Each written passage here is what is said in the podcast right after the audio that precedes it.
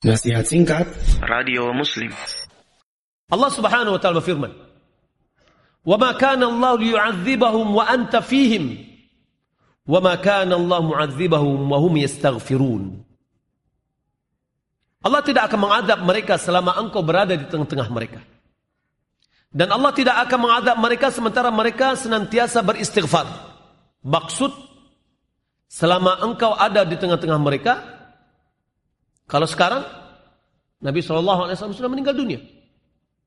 Lalu apa yang bisa menyelamatkan kita? Adalah selama sunnah beliau ada di tengah-tengah kita. Kita jalankan, kita hidupkan, maka kita akan menjadi selamat. Kemudian istighfar. Dengan istighfar itulah Allah Subhanahu wa taala akan menghilangkan mara bahaya. Karena dengan istighfar dosa-dosa kita diampuni. Beramal soleh. Di antara sikap yang dapat menyelamatkan seseorang dari fitnah adalah memperbanyak amal soleh.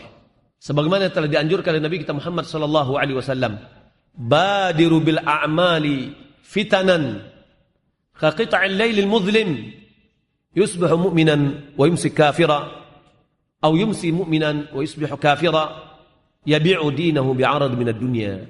Rawahu Muslim. Bersegeralah bergegaslah beramal sebelum munculnya fitnah. Segera kita apa pun amal kita. Segera. Ada kesempatan kita untuk menyumbang kita menyumbang. Ada kesempatan kita untuk melakukan kebaikan kita lakukan kebaikan.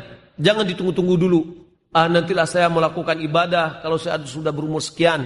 Nantilah saya akan menyumbang kalau seandainya harta saya sekian.